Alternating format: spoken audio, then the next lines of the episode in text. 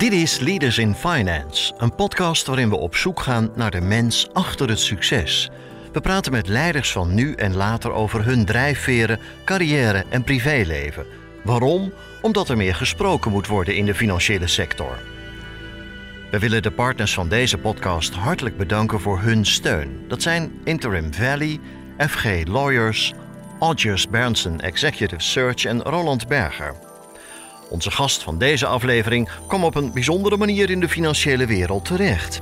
Hij had een technische opleiding en dacht: ik moet eerst maar eens beginnen met leren te solliciteren en koos uit de bedrijvengids wat ondernemingen uit. Uh, en dan ga ik daar eens op oefenen om te solliciteren. Dus dan kan ik in de tussentijd nadenken van nou, wat ik echt wil. En dan hè, met scherp schieten. En dan weet ik zeker dat ik die psychologische test goed doe. Dat heb ik nog een paar keer gehad en dergelijke. En je raadt het misschien al. Tijdens zo'n gesprek werd zijn interesse in de financiële wereld ineens wakker geschud. Hij kwam bij Vanguard uiteindelijk terecht, een van de allergrootste beleggersorganisaties ter wereld. Duizenden miljarden die hebben invloed op het bedrijfsleven. De CEO te spreken krijgen van een beursgenoteerd bedrijf waarin Vanguard belegt, dat is nooit een probleem, zegt onze gast. Ze zijn eigenlijk, uh, ja, ze willen dat wel graag, want ze hebben ook belang bij om de aandeelhouders uh, gewoon uh, goed geïnformeerd en te vriend te houden. Waar veel meer de uitdaging ligt, is wat ga je ze dan vragen? Carrièreplanning, dat moet je wat hem betreft breed zien. Specialiseer je niet te snel, zegt hij, en probeer ook eens wat anders dan je gewend was. Dus wat mij betreft is het ook gewoon probeer uh, dingen. En als iets je aanspreekt, ga ervoor. Uh, wel met volle energie natuurlijk, hè? dus uh, maak er wat van. En dan denk ik dat voor de meeste mensen heel veel banen of beroepen best wel leuk zouden zijn. Onze gast in deze aflevering, Wim van Swol. Je gastheer is natuurlijk Jeroen Broekema. Welkom bij een nieuwe aflevering van Leaders in Finance. Deze week spreken we met Wim van Zwol, hoofd van de Benelux en de Nordics bij Vanguard. Welkom Wim. Dankjewel. Leuk dat je er bent hier bij Grieten Bloemenheuvel in, uh, in Driebergen-Zeist. Traditiegetrouw spellen we de naam van de gast. Dat is uh, Wim, W-I-M, en Van Zwol, van, en dan Zwol, Z-W-O-L. De introductie het volgende. Eh, Wim maakte na het gymnasium en een studie technische bedrijfskunde aan de TU in Eindhoven carrière als management trainee en later een hele reeks aan andere functies bij Kasbank. Hij werkte daar in totaal circa 10 jaar. Daarna stapte hij over naar Vanguard, waar hij afgelopen 15 jaar werkte. Ik zou zeggen een kenner van de beleggingswereld uh, dus. En um, veel mensen van deze podcast zullen Vanguard denk ik uh, kennen, maar toch even een paar cijfers zoals ik uh, gewoon ben om, om te doen, om wat gevoel erbij te krijgen. Vanguard heeft een, een ongelooflijk bedrag aan asset under management, namelijk 7,2 triljoen of biljoen in het Nederlands. Heeft 30 miljoen investeerders in circa 170 landen. In honderden fondsen wordt gewerkt en dat alles gebeurt met 17.000 collega's wereldwijd. Uh, tot slot, Wim is 49 jaar oud, jaar jong, is getrouwd, heeft een dochter en twee honden en woont in de Kwakel. Ik dacht, uh, Wim, wat ik wel leuk zou vinden om mee te beginnen, is dat ene getal, die 7,2 triljoen of biljoen. Dat is voor mij zo onbegrijpelijk groot getal. Uh, word je dat wel eens gevraagd van hoe is dat mogelijk en wat, wat is het eigenlijk? Ja, het, het zijn belachelijk grote bedragen natuurlijk. En sowieso trillion en, en, en, en biljoen is al ontzettend verwarrend. Ik moet er zelf ook altijd wel even denken, hoe, hoe zat het ook alweer? Uh, de oplossing die ik gevonden heb is dan maar 7000 miljard te zeggen. En dan moet ik er ook nog dollars bij zeggen. En, nou ja, goed. En, uiteindelijk is het belangrijkste dat het niet ons geld is. Het is geld van de klanten natuurlijk opgeteld. Ja, dat zijn er heel veel wereldwijd en allerlei types. En is het groot? Zijn jullie groot op dit gebied? Ik neem aan van wel. Ja, wij zijn de ene grootste vermogensbeheerder ter wereld. Uh, uh, in de VS de grootste, de grootste mutual fund company, zoals het al mooi heet. Mm -hmm. wereldwijd denk ik dan ja. ook. En om, om Vanguard nog verder wat, wat neer te zetten, ik doe, vaak, uh, doe dat vaak aan de hand van de stakeholders, hè, om het een beetje te structureren. Misschien kunnen we eens eens langslopen. Kan je iets zeggen over die klanten? Wat, wat zijn nou jullie klanten, uh, als je ze een beetje indeelt of beschrijft? Nou ja, dat, is, uh, dat ligt een beetje aan waar je, waar je kijkt. In, de, in de VS zijn we eigenlijk begonnen als de oprichter van het bedrijf, Jack Bogle, had zich tot doel gesteld om beleggen toegankelijk te maken voor het grote publiek. Dus je ziet daar dat er al vrij snel, en dan hebben we het over midden jaren 70, ja, eigenlijk met een idealistische bril het bedrijf is opgericht, ook als een coöperatief. Ehm, en er ja, ehm, toegang mogelijk was voor, ja, voor eigenlijk alle beleggers. En dat is nog steeds zo. Dus daar zie je dat we ja, echt een hele bekende naam zijn. Iedereen daar die, die, die kent het bedrijf wel. En dat is in Nederland natuurlijk nog helemaal niet zo. Um, wat je daar ziet is dat je dus ook alle segmenten bedient. dus we zijn de grootste in de, in de zogenaamde 401k-plannen. Dat zijn uh, de individuele pensioenrekeningen die mensen daar hebben. Maar ook uh, inderdaad direct beleggen, ETF's, uh, eh, indexfondsen, actieve fondsen, van alles. En wat je vervolgens zag is dat eigenlijk pas in de jaren negentig is men naar het buitenland gaan kijken. En een van de directeuren was een Australiër en die dacht, nou weet je wat, ik ga in in Australië hetzelfde doen. Dus die is uh, in 1996 die kant op gegaan. En daar is inmiddels ook een uh, bijzonder uh, succesvolle vermogensbeheerder, ja, dochter eigenlijk opgestart. En hetzelfde is eigenlijk twee jaar later in, in, in Europa gebeurd. 1998 de eerste klanten hier gewonnen. En dan zie je eigenlijk wat elke buitenlandse vermogensbeheerder doet. Is zich eerst op de ja, kleine aantallen grote klanten richten. Dus in Nederland bijvoorbeeld pensioenfondsen, et cetera. Ja, want uiteindelijk, um, om het even heel praktisch te maken, ik heb wel eens een uh, Vanguard ETF gehad. Um, en die koop ik dan via een broker. Maar wie, met wie hebben jullie uiteindelijk dan contact? Hè? Want ik koop hem via mijn broker, maar het product is van jullie. Uh, schets ik dat goed?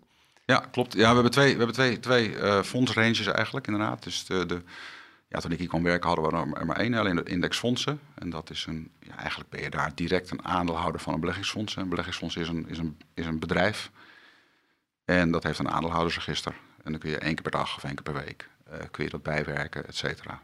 Uh, op een gegeven moment uh, ja, is de ETF uitgevonden als innovatie. En heeft men bedacht, nou weet je wat, als we dat, dat aandeel nu gewoon ook beursgenoteerd maken, net zoals zoveel aandelen dat zijn, is dat misschien wel, wel een goed idee. En het mooie daarvan is, is eigenlijk dat je de beurs dus gebruikt om vraag en aanbod bij elkaar te brengen, waar het ontzettend efficiënt in is. En dat voor de vermogensbeheerder, ja, die kan zich op de kerntaak uh, richten en hoeft alleen maar het fonds te, te beheren. Ja. Dus op zich is dat een hele mooie, maar het, betekent wel een soort disconnect tussen de, ja, de, de vermogensbeheerder en de eindklant. Dus we weten ook ja, ongeveer van de helft van de, van de waarde van ETF, zeg maar exact welke klanten dat zijn en wat men contact met ons opneemt en hulp nodig heeft. Maar uh, ja, van heel veel bijvoorbeeld particuliere beleggers weten we dat natuurlijk niet. Als je inderdaad via je bankrekening of iets of, of, of de Giro of wat voor rekening dan ook iets koopt. Ja. En als je dan kijkt even weg van de klanten naar de, de eigenaarstructuur van, uh, van Vanguard. Wie, wie, je zei het al, het is een coöperatief. Dus hoe werkt dat precies? Wie, wie is uiteindelijk de, de, de eindbaas, om het maar even zo te zeggen? Ja, dat zijn, uh, de, de, de, heet een technische termen mutual, mutual fund company, dubbelop, tot er niet. Ehm, en dat betekent eigenlijk dat Vanguard als bedrijf in handen is van de fondsen die wij beheren. En de fondsen die zijn dus in eigendom van de klanten. Dus dat betekent dat er geen andere eigenaren zijn dan de klanten. Uh, en dat het bedrijf dus ook op uh, uh, kostprijsbasis werkt. Dus het is, ja, je kunt het zien als een enorme beleggingsclub bijna. Of soort onderlinge structuur die we in Europa op zich wel kennen. Uh, en het lijkt, ja, het, is, het lijkt heel erg op zeg maar, hoe Robeco bijvoorbeeld dat voorheen uh, had in Nederland. Ja, ja. En als je kijkt naar, um, naar een andere stakeholder, de, de medewerkers, we, we zeiden het al even in de inleiding, iets van, van 17.000 mensen, een, een, een serie, significant deel daarvan in de, in de Verenigde Staten. En als je nou heel grof kijkt, grofweg kijkt, wat doen al die mensen? Uh, kan je dat op hoofdlijnen schetsen? Ja, zeker. Ehm, nou, in de VS hebben we natuurlijk al heel veel particuliere klanten. Nou, daar, die zijn best uh, bewerkelijk. Uh, dat, wordt, dat verandert ook wel hoor, met technologie, moet ik zeggen. Ehm, maar dus daar heb je ook grote callcenters en dergelijke nodig. Dus dat zijn best wel wat mensen. Ehm, tegelijkertijd heb je natuurlijk de, de, beleggers zelf. En dat, dat zijn er niet eens zo heel erg veel, omdat het allemaal... we hebben op zich wereldwijd. We hebben 200 fondsen in Amerika, 200 buiten Amerika zo'n beetje. Dus dat zijn er helemaal niet zo heel veel. Veel minder dan vergelijkbare bedrijven van onze omvang. Uh, dat heeft ermee te maken dat we niet, uh, ja, eigenlijk geen dingen willen opzetten die op de lange termijn niet zinvol zijn, maar wel geld opleveren bijvoorbeeld. Dat, dat, dat doen we niet. Ehm, dus dat is redelijk efficiënt te doen. Dat zijn wereldwijde teams. Ja, en verder heb je de gebruikelijke afdelingen. Ja. Dus eh, Ja. eh, veel compliance, denk ik tegenwoordig ook. Ja. Eh, Als je in 170 landen opereert, dan... ja, dus ook veel juristen, compliance afdelingen, risicomanagement. ehm, eh, eh, ja, inderdaad, klanten, klantenservice afdelingen. IT, denk ik dat ook een grote portie is. Onderschat het ook niet. Ehm, en dat zie je eigenlijk in Europa in het klein. Dus zie je al die afdelingen langzaam ontstaan. En ik zat te kijken, hè, Vanguard bestaat sinds 1975, als ik het goed zeg. Hoe verklaar je dat Vanguard nou zo groot is geworden? Je zegt zelf, we zijn de nummer twee eh, in, de wereld. Hoe zit daar een bepaalde, heb jij daar een sterk gevoel bij hoe dat kan, dat jullie zo groot zijn geworden? Eh, ja, zeker. Ehm, het, het heeft wel een tijdje geduurd trouwens voordat dat moment een beetje op gang kwam. Eh, en als je daar, ja goed, de oprichter zelf heeft er boeken over geschreven en anderen hebben er ook naar gekeken. Eh, ehm, het, het, het, het, het, zeg maar model, het coöperatieve model werd best vreemd gevonden op, in die tijd. Eh, eh, On-Amerikaans zelfs, eh, Un-American, heb ik begrepen. Ehm, eh, geen winst willen maken, dat soort dingen. Dus, maar, maar goed, de, de, ja, de eerste jaren zijn gewoon heel moeilijk geweest. Maar uiteindelijk, ja, als de klant een goede deal krijgt, hè, dus, ehm, eh, en echt het gevoel heeft dat je er voor hun bent en niet om zelf, eh, je, hoe zeg je dat, eh, zoveel mogelijk geld te verdienen, ja, dan komt dat toch wel naar buiten. Eh, dat is één. En ik denk het tweede is dat het, het geheim is ook wel dat het eigenlijk relatief weinig veranderd is. Dus in die zin. ehm, Dus ja, geen grote overnames en dat soort dingen. nee, geen één eigenlijk. Geen één. Nee. Puur organic growth, Ja, organische autonome, groei. Ja, autonome groei. En wat je ziet, en dat is het andere, je ziet op een gegeven moment de versnelling, omdat het een schaalbusiness is. Hè. Dus je, je, ehm, als je een, ik noem maar iets, een S&P 500 eh, ETF of fonds moet beheren, ja, dan moet je die 500 bedrijven elke dag eh, in portefeuille hebben in de goede mix. Nou, dat is op zich niet zo ingewikkeld. Ehm, maar als het fonds groter wordt, ja, je vaste kosten worden over een groter vermogen overgeslagen, et cetera. Dus je tarief kan omlaag. Is het dan niet uiteindelijk een soort winner-takes-all business, dat er maar een paar hele grote in de wereld zijn die dit, die dit nog kunnen? Ook omdat klanten verwachten dat natuurlijk een ETF zo'n beetje gratis is, hè, om het even een beetje populair te zeggen. Eh, is dat zo? Of, of blijft er ruimte voor heel veel partijen? Ehm, allebei een beetje, maar, maar zeg maar de, de, de meest gebruikte, meest gangbare bouwstenen voor beleggen, ja, die, die, die zijn ontzettend concurrerend eh, geworden. En je ziet ook wel de effecten daarvan natuurlijk als je kijkt bijvoorbeeld naar Nederland met consolidatie van vermogensbeheerders. Hè, dus ook daar men, men op zoek gaat naar schaal. Ja. Eh, dat zie je ook bij de klanten trouwens. Hè. Dus hetzelfde, de Nederlandse pensioensector is daar een mooi voorbeeld van. Ja. Toen ik, toen ik begon met werken Ja. waren er geloof ik meer dan duizend bij de kasbank eh, Ja. eh, eh, lang geleden. En nu zijn er geloof ik 200. Zoiets. Kijk, ja. Ik, ja, Ja. ik heb niet geteld, maar... En hoe ben je zelf bij Vanguard terechtgekomen? Je zit nu bijna 15 jaar, je bijna je jubileum komt eraan. Eh, hoe, hoe kwam die overstap van Kas naar Vanguard tot stand? Ja, die was, eh, die was best eh, toevallig. Eigenlijk had ik had een gemeenschappelijke klant, dus daar kende ik Vanguard van. Dus waar, waar, waar Kasbank zeg maar de custodie en de administratie, Mhm. et cetera, deed. En Vanguard de vermogensbeheerder eh, was.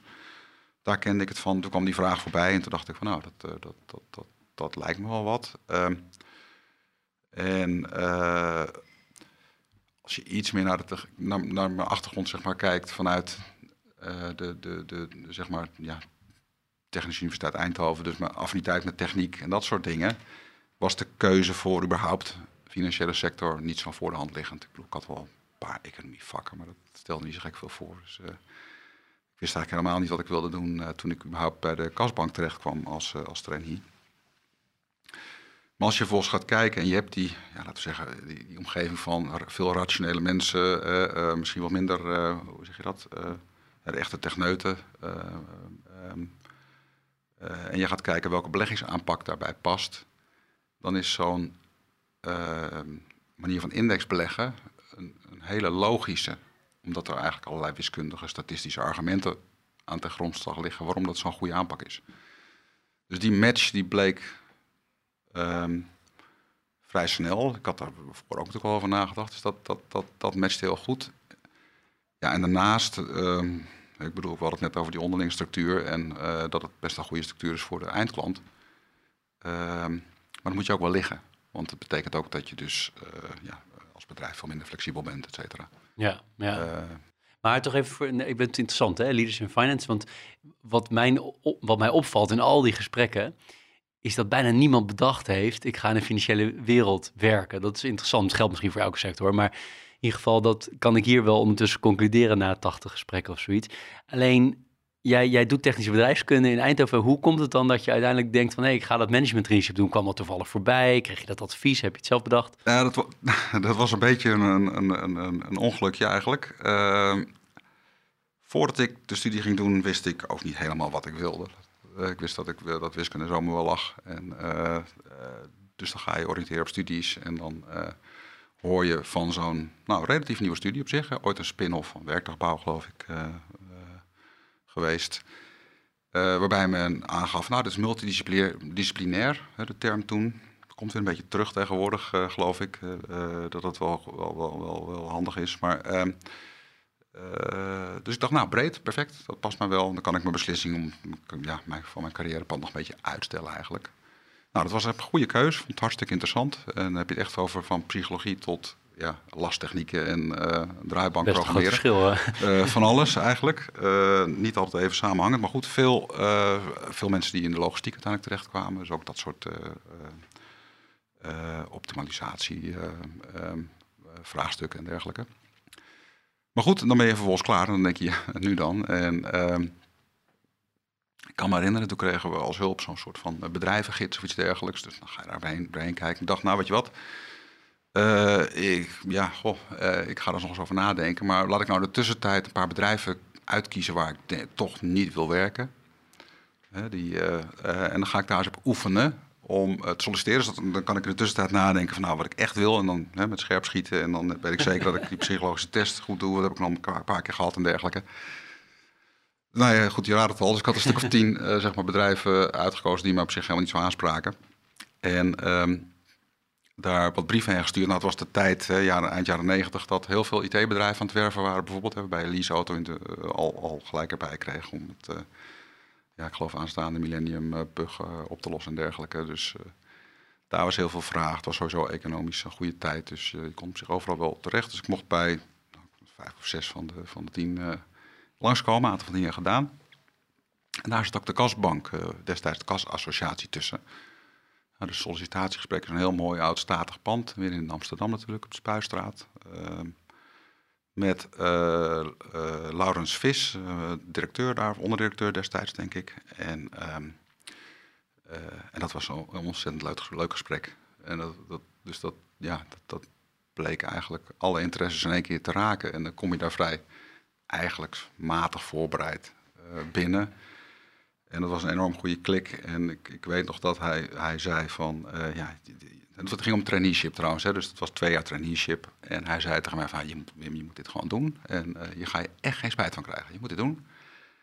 En eh, dus nou ja, goed. Ik dacht, nou weet je wat... eh, misschien heeft u wel gelijk. En eh het lijkt me eigenlijk ook wel wat. Dus eh, dat, ja, ontzettend Wat, voor andere bedrijven ben je nog meer geweest? Ja, dat waren veel IT-bedrijven. Ik kan me herinneren, in de jaarbeurs solliciteren voor Capgemini met Nou ja. geloof ik duizend andere. Ja. Dat soort dingen. Ja. Van die on- online tests doen. En ehm, Maar denk je dat je uiteindelijk voor bedrijf gekozen hebt of voor deze persoon waarmee je dat gesprek had? ja, een hele, een hele goede vraag. Ik, ik, eh, eh, allebei, denk ik. Allebei. Maar, eh, Het gaf meer, voor, meer voor de persoon, denk ik. Toch? Ja, en het mooie pand. Nou ja, je, je, je, je- het was best indrukwekkend. Je, je komt als student kom je in zo'n ehm, in zo'n pand met inderdaad eh, prachtig, eh, prachtige zaal met van, het, eh, van die mooie oude schilderijen aan de muur en zilveren koffiekopjes en dergelijke. Maar goed, dat, dat was niet de, de, de trigger, maar het, het persoonlijke gesprek. Je hebt ook de- geen spijt van gekregen, zo te horen.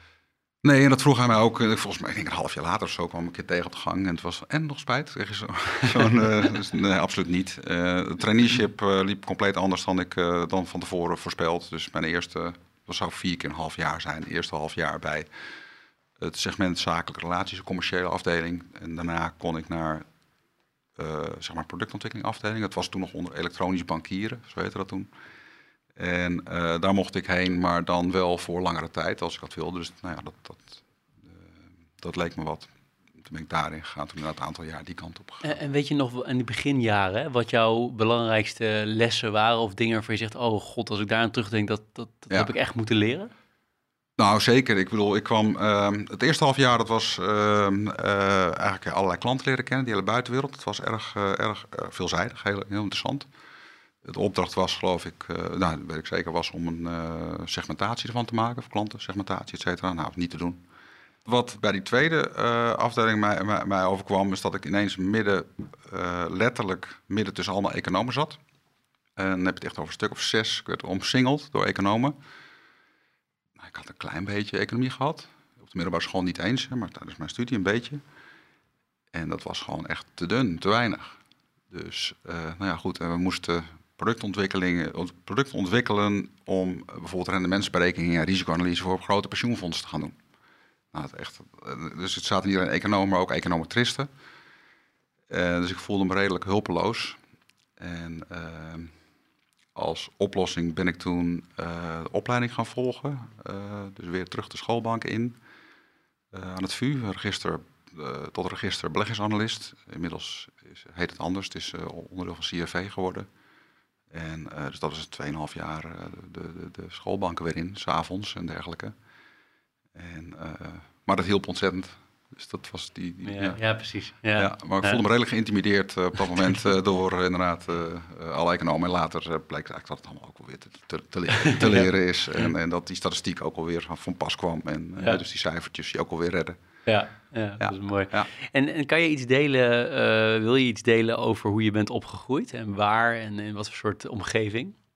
Ja, oh ja, zeker. Ja, ik, ik, ik ben eh, redelijk, eh, volgens mij meerdere gasten al in, jouw eh, in jouw show, denk ik ook wel. Ik voel me redelijk bevoorrecht hoe ik opgegroeid ben. Ehm, eh, eh, in een heel klein dorpje, Lage Vuurse. dus in, in, zeg maar in de buurt van Baren en Soest en dergelijke. Eh 200 inwoners. Mijn ouders zijn daar gewonnen in, geloof ik, 1969. Werden voor gek verklaard dat ze daar... in dat, Mooie midgetgolfbaan, toch? ja, ja, daarnaast, zeg maar, daar woonden we naast. Kom er nog steeds wel eens. Eh, ik heb veel gemidget golfd in mijn jeugd, eh, dus eh, ja, dat absoluut. En, maar goed, het was ja, twee straten, geen winkels, geen, helemaal niks eigenlijk. En, ehm, maar wel heel veel vrijheid en ruimte en natuur. En ja, dus allerlei dieren om de deur, dat soort dingen. Hartstikke De leuk. koningin. Ja, de prinses de, de Prinses, toen. En, ja. Maar goed, het was dan ook allemaal vrij ehm, ontspannen, zeg maar, hè, die, die, die, die tijd. Ik bedoel, eh, dus eh, ja. En de, de, de- ja, goed, eh, ik ben een paar jaar jonger dan, dan, dan haar zoons en toe kinderen. En, Kwam ze wel tegen dus. niet veel, nee, niet veel. Dus ik keurig een hekken met Marseille omheen. Ja, maar ja. inderdaad, ze, kwam zo tegen met de kinderen. Inderdaad, ja. Ja. En, en wat, voor soort, eh, wa- wa- wat, voor soort sfeer was er in jullie gezin? Wat, wat moet ik me daarbij voorstellen? Wat voor normen en waarden of hoe werd je, hoe werd je opgevoed?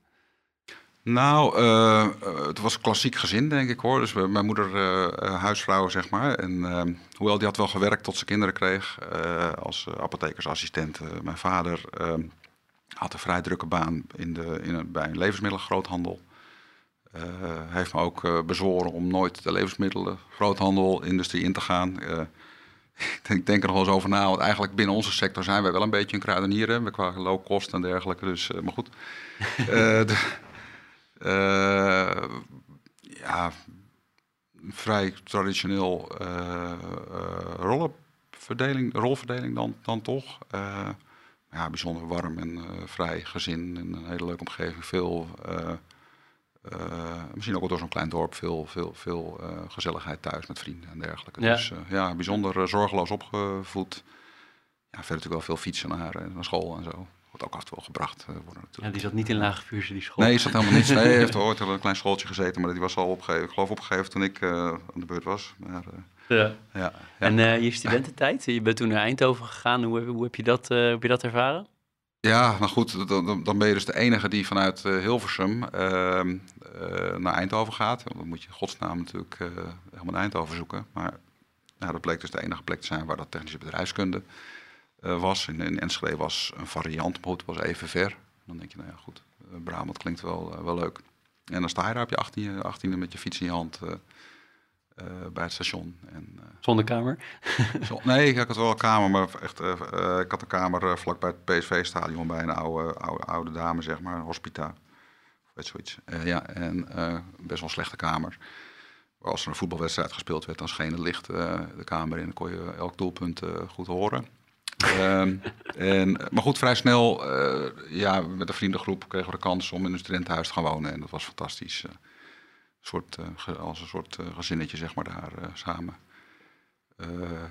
ja, voor jezelf zorgen, koken en ja, precies. Het bekende verhaal van de studenten. Ja. En heb jij, je noemde al even die, uh, die meneer bij de kasbank, maar heb je nog meer mensen in, die, uh, in je jeugd of in je eerste jaren aan het werk of in je studententijd gehad die heel veel impact hebben gehad op jouw keuzes en op je denken? Uh, nou, qua carrièrekeuzes inderdaad was dat wel een hele belangrijke, denk ik. Misschien wel de belangrijkste. waar je toch iemand ja, die je helemaal niet kent eigenlijk op de een of andere manier enorm vertrouwt. En dat was ook terecht. Hè? Dus uh, dat was wel een heel, hele goede ervaring eigenlijk. Uh, om het veel, uh, ja, goed gevoel aan terugdenken. En eigenlijk, wat je vroeg net, ik heb er nog geen antwoord op gegeven hoe ik bij Vanguard terecht kwam. En dat was, ik kende ze al een beetje, maar via een, gewoon zo'n headhunter bureau. Nou, dat was helemaal niet zo'n prettig gesprek. Vrij zakelijk allemaal, een kil. Uh, efficiënt dan, denk ik, maar goed. um, en, uh, maar daar had ik een, uh, mijn toekomstige baas, Philip Vliegen, een Belg. Um, en eigenlijk op dezelfde manier. Dat was zo'n zo'n ja, goede, goed gesprek, prettig. En dat je denkt, ja, ik, ik wil graag met jou werken. En dan achteraf merk je steeds meer dat je dus de goede keuze gemaakt hebt. En dat het bedrijf heel goed bij, bij je blijkt te passen. Dat kun je onmogelijk van tevoren inschatten. Dat moet je toch ervaren. Ja, dat is dan de reden dat je vervolgens uh, je omdraait en blijkt dat je bijna 15 jaar ergens al werkt. ja, weet je, dat, dat gaat gewoon heel snel. En, uh, en wat, wat, wat is uiteindelijk jouw, wat maakt het dan zo leuk? Hè? Of in andere woorden zou je ook kunnen zeggen, wat, wat zijn jouw grote motivatiebronnen als je ochtends opstaat? Ja. Wat zijn de dagen waarvan je echt het meest enthousiast van wordt? Welke elementen zijn dat? Nou, er, zijn, er, zijn, er, zijn, er zijn twee, eigenlijk twee elementen te, te, te, te, te hoe zeg het, die belangrijk zijn in mijn werk. Het een is eigenlijk, en dat is nog steeds zo gek genoeg, vanaf het begin is het, uh, het, gevoel, het gevoel dat je onderdeel uitmaakt van een start-up. Je begint met een, gigamerk uh, op zich, wat in, in, Nederland vrij onbekend is. Uh, nou, dat hebben we niet in Nederland mogen doen, dus in het begin mocht ik ook, uh, er is nog steeds ook Noordix en dergelijke, maar hadden we ook helemaal geen klanten, dus dan ben je je eentje ja, is letterlijk de telefoon op beginnen te pakken. En wat partijen in Noorwegen gaan bellen, omdat je dus uh, ook verantwoordelijk bent geworden voor Noorwegen, waar nog geen klant is. Goed, en dan blijkt dat te lukken. Dan krijg je wat afspraken. Moet je daar, ga je erheen, loop je in je eentje in zo'n stad, letterlijk alleen. Heb je ook tijd tussen afspraken dat je denkt, wat doe, wat doe ik hier? En dan van het een komt het ander. Ontzettend ondernemend, heel erg leuk wel, moet ik zeggen, met het vangnet natuurlijk van een, uh, van een groot bedrijf. Je bent gewoon in loondienst. Uh, dus dat, dat, dat vangnet zit natuurlijk wel. Dus ik, in die zin ben ik compleet geen ondernemer natuurlijk. Maar het ondernemende aspect is wel heel fijn. Ehm, dat heb ik zo'n aantal keer natuurlijk mogen doen. Hè, dus meerdere landen, et cetera. En um, nog steeds zien we dat met meerdere, bijvoorbeeld in Nederland met, met de segmenten van in het begin die grote pensioenfondsen, dat zijn er heel een stuk of vijftig uh, waar je op richt, heel overzichtelijk naar toen andere partijen, banken, et cetera, verzekeraars. En nu, nu steeds meer de particuliere klantplatformen, uh, de, met onze fondsen die bij de brokers te koop zijn en dergelijke.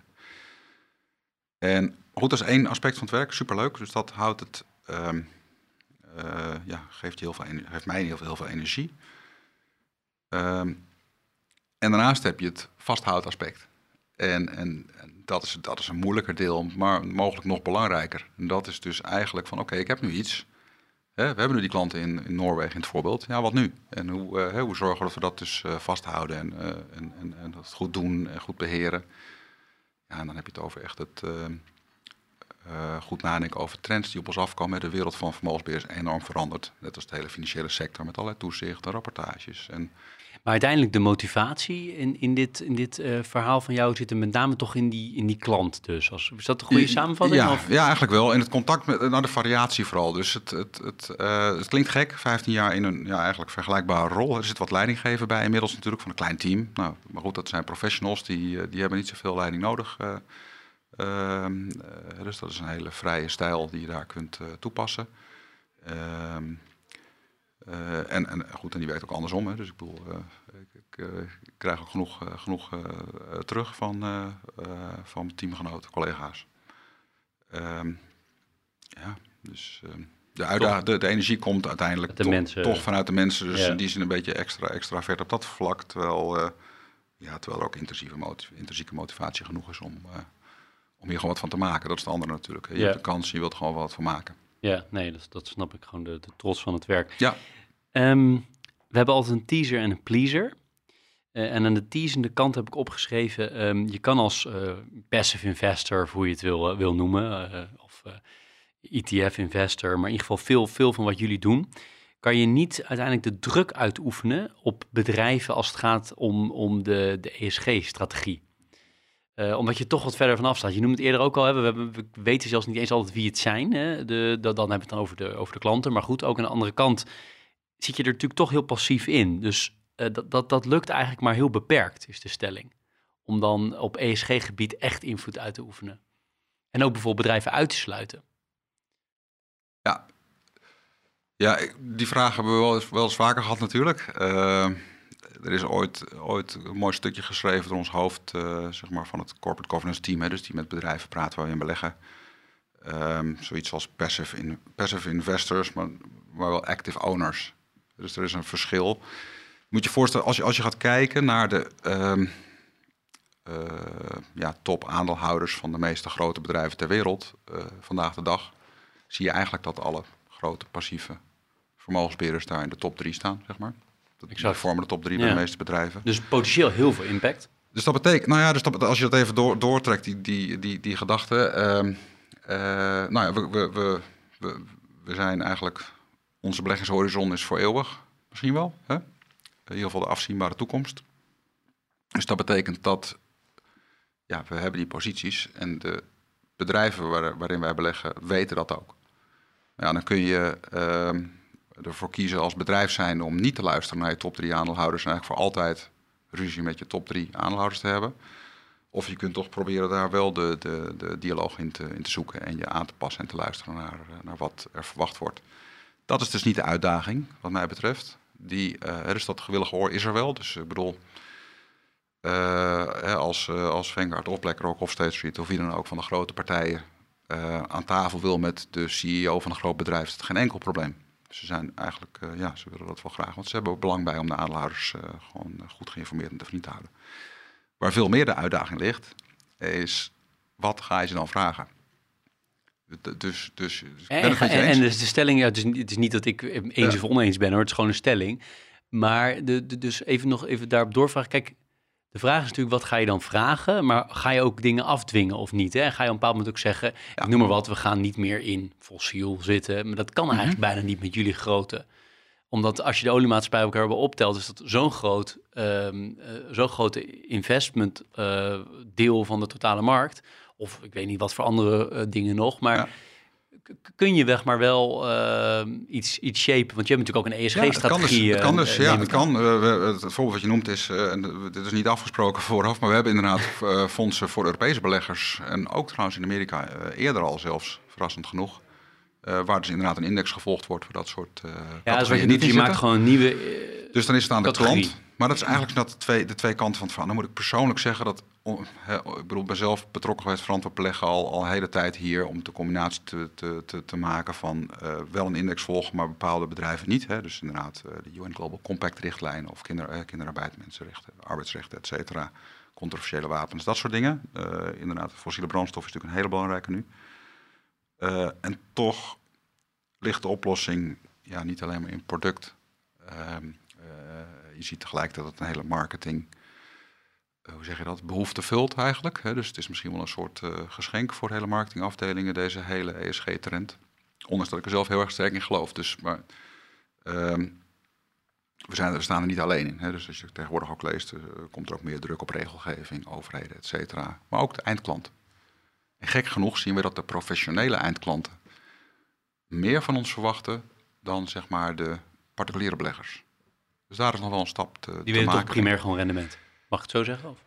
Mm, nee, dat, dat weet ik niet. Ik, ik, ik, ik denk dat men minder zorg heeft over reputatierisico, waar natuurlijk professionele partijen mee te maken hebben. Dat is denk ik één verklaring. En de andere verklaring is misschien ook dat misschien niet helemaal weten hoe het, hoe, het werkt of wat dan ook. Sowieso niet zoveel mensen in Nederland beleggen. Het 1 op de vijf gezinnen belegt, geloof ik. Dus, dus daar is ook nog wel een lange weg te gaan. Maar ehm, Er is regelgeving mogelijk waarbij ja, de aanbieder moet gaan vragen aan de eindklant van zeg, wil je misschien dat we verantwoord beleggen? Dan heb je weer kans Maar dat ja uiteindelijk zeg je eigenlijk van, ik lijkt mij namelijk, ik vind het best wel een, lijkt mij een dilemma voor, voor, voor partijen zoals jullie, want je, ja, je kan het zeg maar neerleggen bij de, bij de belegger zelf. Hè? Jullie kunnen verschillende producten Mhm. aanbieden, kan men kiezen hè, wat je wil. Maar het lijkt me, je kan natuurlijk helemaal veel impact hebben met jullie grootte, want het is natuurlijk gigantisch, hè? Die 7,2 miljoen exact. die komt weer terug. Exact. Maar je wil natuurlijk ook weer niet, lijkt mij, hele grote sectoren uitsluiten. Want je bent wel, je wil wel zo diversif- gediversifieerd in de markt zitten. Klopt, ja. Lijkt me best wel een lastige keuze. Ja, diversificatie is prima mogelijk zonder olie trouwens, dus dat op zich gaat het nog wel. Eh, Die sector is kleiner geworden. Ehm, maar, maar, maar goed, ehm, je, hebt, je hebt gelijk als je zegt dat de kans ligt bij die omvang. Dus bij, die, eh, bij het engagen, zoals het dan zo mooi heet, engagement en eh, stemmen. Dan is de vraag, hoe in hoeverre ga je op de stoel van de ondernemer zitten?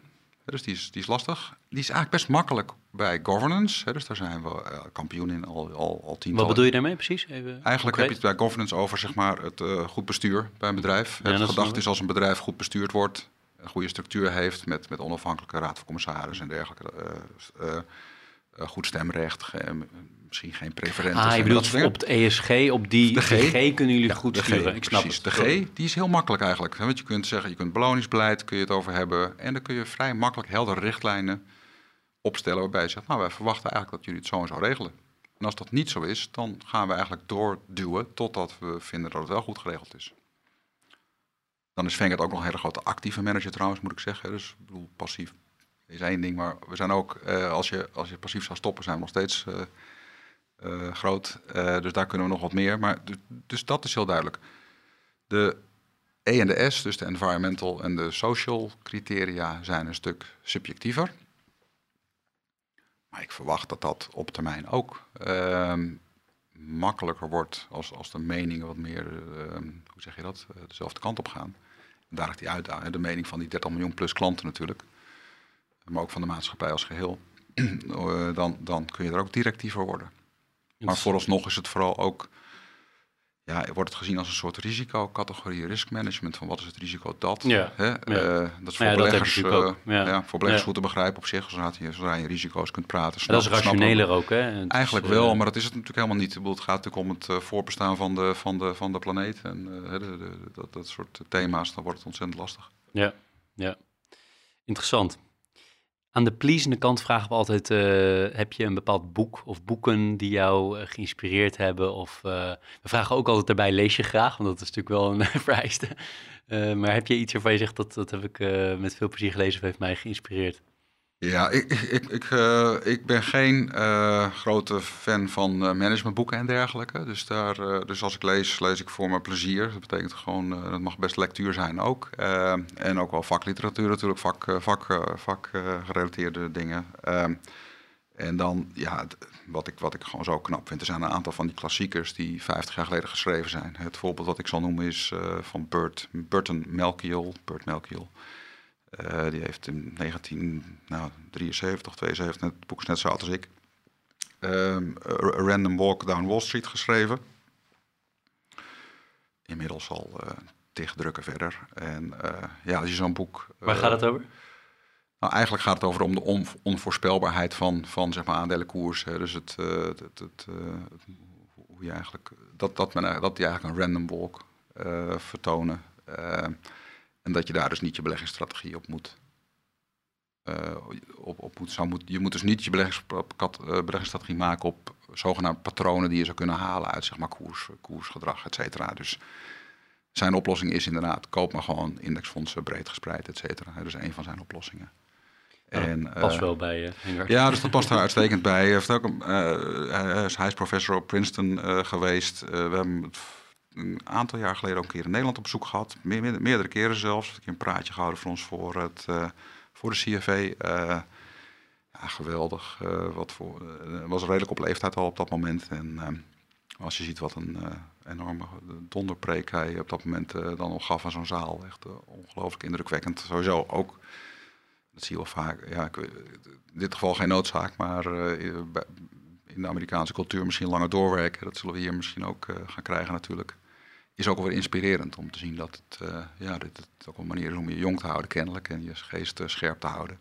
Ja, als je doet Dus, wat je eh, leuk vindt, is het natuurlijk makkelijker. Ja, ben je zelf trouwens, ehm, zelf trouwens belegger? Mag het? Mag je beleggen? Ja hoor, ja, absoluut. Ja. En ben je dan zelf meer een eh, actieve of een passieve belegger? Nou, uit, uit, eh, je kunt ook met passieve producten actief zijn trouwens, maar goed. eh, Zeker. De regelgeving is dusdanig dat, eh, al zou ik al, willen, en ik bedoel, ehm, eh, ik losse aandelen van tevoren toestemming moet vragen. Als, als er positie in is, nou goed, dat is er meestal wel natuurlijk bij ons. Dus dat is niet, kan niet missen. dan moet je volgens mij van tevoren eh, toestemming vragen. Nou, dat, weet je, dat, dat schiet niet op. Dus ik beleg in fondsen en verder heb ik een, hoe zeg je dat, zo'n derde pijler, wat extra pensioensparen. Is in Nederland natuurlijk niet zo heel veel mogelijkheid toe, waar ik wat in belegd heb. En dat, eh, is redelijk onderhoudsvriendelijk. Ja. Ja, absoluut. Ik spaar eh, tips van mijn gasten voor starters op de arbeidsmarkt. En specifiek in de, in de financiële sector. Heb jij bepaalde tips voor mensen die nu gaan starten? Ik denk dat de tip heel duidelijk is. Namelijk, weet je, het is onmogelijk om je hele carrière van tevoren te kiezen. Dus, ehm, en, en het is alleen nog maar flexibeler geworden, die arbeidsmarkt. Dus wat mij betreft is het ook gewoon probeer eh, dingen. En als iets je aanspreekt, ga ervoor. Eh, wel met volle energie natuurlijk, hè? dus eh, eh, eh, maak er wat van. En dan denk ik dat voor de meeste mensen heel veel banen of beroepen best wel leuk zouden zijn. Leuk zouden passen. Ik bedoel, ik ben, eh, ik ben hier ingerold, deze kant op. eh, bevalt ontzettend goed, zit er nog steeds.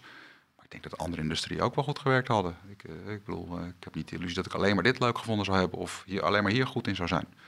Dus ik denk dat, dat, dat maak je niet zo druk daarom. Hetzelfde met studiekeuzes of wat dan ook. Weet je, Ja, want heb eh, jij ook wel eens een, een zonder hem specifiek te benoemen, maar een baan gehad en ook in die verschillende functies eh, die je gehad hebt eh, bij Cas en ook weer bij Mhm. Vanguard, waarvan je achteraf dacht, hm, daar zit ik niet zo op mijn plek. Je, nogmaals, je hoeft hem niet concreet te maken, dat is een beetje flauw misschien, maar... Nee, helemaal niet. Nee, hoor, helemaal niet. Ik bedoel, ik heb een tijd gehad in productontwikkeling dat ik eigenlijk de, ja, soort de tolk was tussen de business en de programmeur.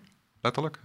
Dus dan moet je de, de, de, de eisen en wensen van de business vertalen naar, ehm, eh, eh, naar iets waar de programmeur wat mee kan. En dan zit je echt naast, ja, zo heb ik weken, maanden naast programmeurs gezeten, samen kijken. Op een gegeven moment eh, eh, ja, lees, je, lees je de half programmeertaal mee. Eh, hartstikke leuk, totaal anders dan wat ik nu doe.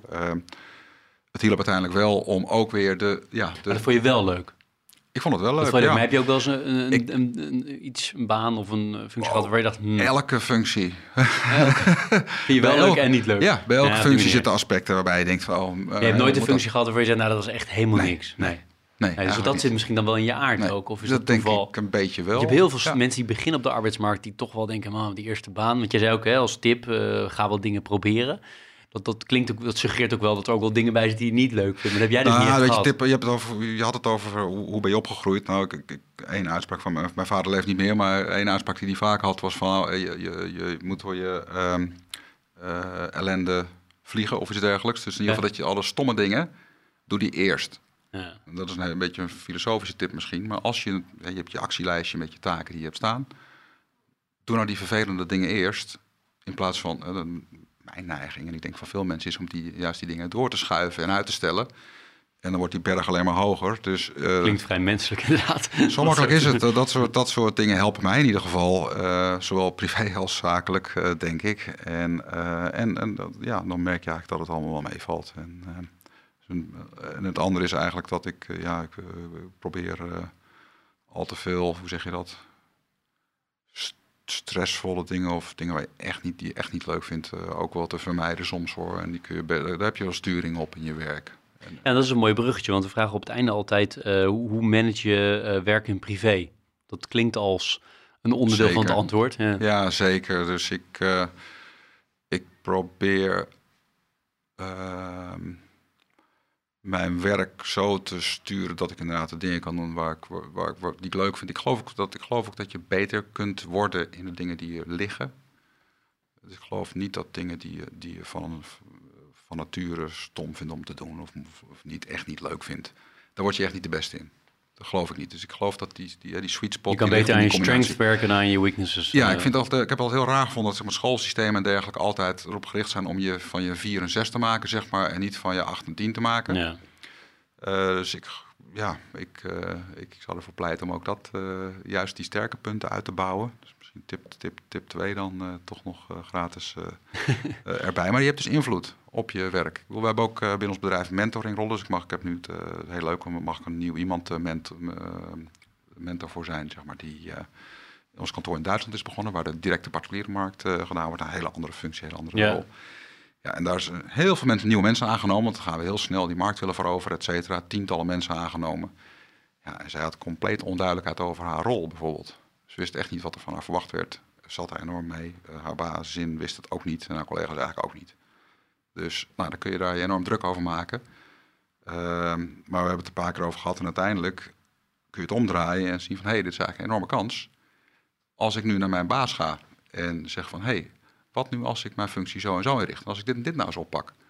Nou, twee dingen gebeuren dan. A, je, je, je kunt dus de dingen erin zetten die je zelf graag zou willen doen en waar je denkt dat je in kunt uitblinken. En het andere aspect is dat die baas die denkt, ah, nou mooi, dat scheelt mij weer. Want die heeft liever dat, dat er een medewerker komt met een heel duidelijk verhaal van zal ik dit eens zo doen, dan een medewerker die komt vragen van hé, hey, wat wil je eigenlijk wat ik doe? daar help je niemand mee. Dus uh, weet je, dus als, die het klinkt alsof het jou ook voldoening geeft om dan iemand te kunnen Zeker, ja, geweldig. Ja. dat zijn hele leuke dingen om te doen en ik, die ik gelukkig erbij uh, mag doen. Ja. En, uh, maar, en nog even terug naar die, naar die initiële vraag van werk- en privé-balans.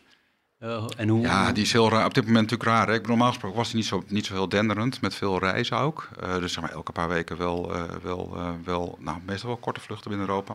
Goed, de laatste, het is het, anderhalf jaar vanaf huis. Dus dan is de werk- en privébalans is, ontzettend verbeterd. Ja, dit, dus je vindt het niet moeilijk om maat te houden. En hoe, hoe blijf je fit? Uh, ik zeg altijd hè, physical en mental fitness, zoals ze in, in Engeland-Amerika zeggen. Hoe blijf je fysiek fit en uh, mentaal fit? Ja, goed. Ik, ik, ben, ik heb ervoor eh, het geluk gehad om uiteindelijk weer landelijk te mogen wonen. Ik heb ooit natuurlijk zo opgegroeid in een klein dorpje. Nou goed, sommige mensen vinden dat vreselijk. mij ligt dat heel goed. Ik hou er wel van, sociale controle, et cetera. Dus ben, daar, daarom ben ik weer in, in, in, een vergelijkbaar dorp terechtgekomen een aantal jaar geleden.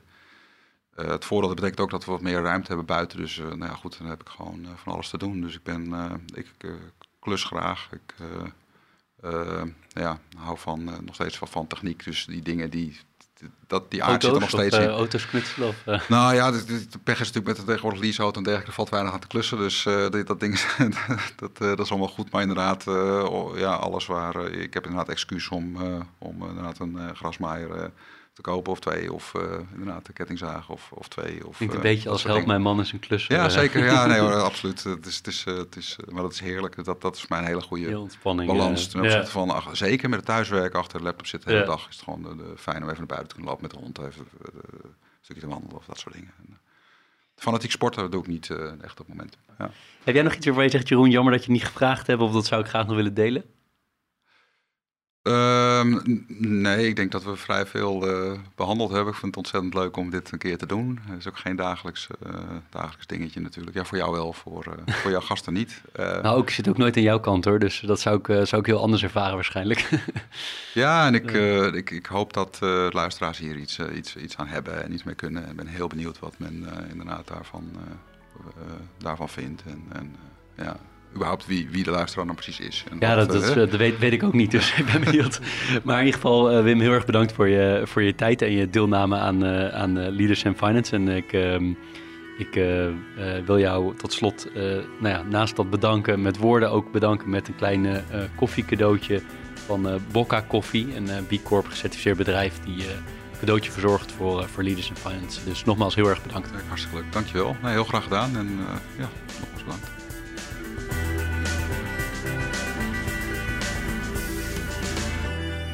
Dit was Leaders in Finance. We hopen dat je deze aflevering met veel plezier hebt beluisterd. We stellen je feedback erg op prijs. Wat houdt je bezig en over wie wil je meer horen? Laat het weten via een Apple of Google review. Dat kan ook via de sociale media kanalen of direct via een e-mail. We kunnen het enorm waarderen als je dat doet. Tot slot danken we onze partners voor hun steun. Dat zijn Interim Valley, FG Lawyers, Odgers Berndsen Executive Search en Roland Berger.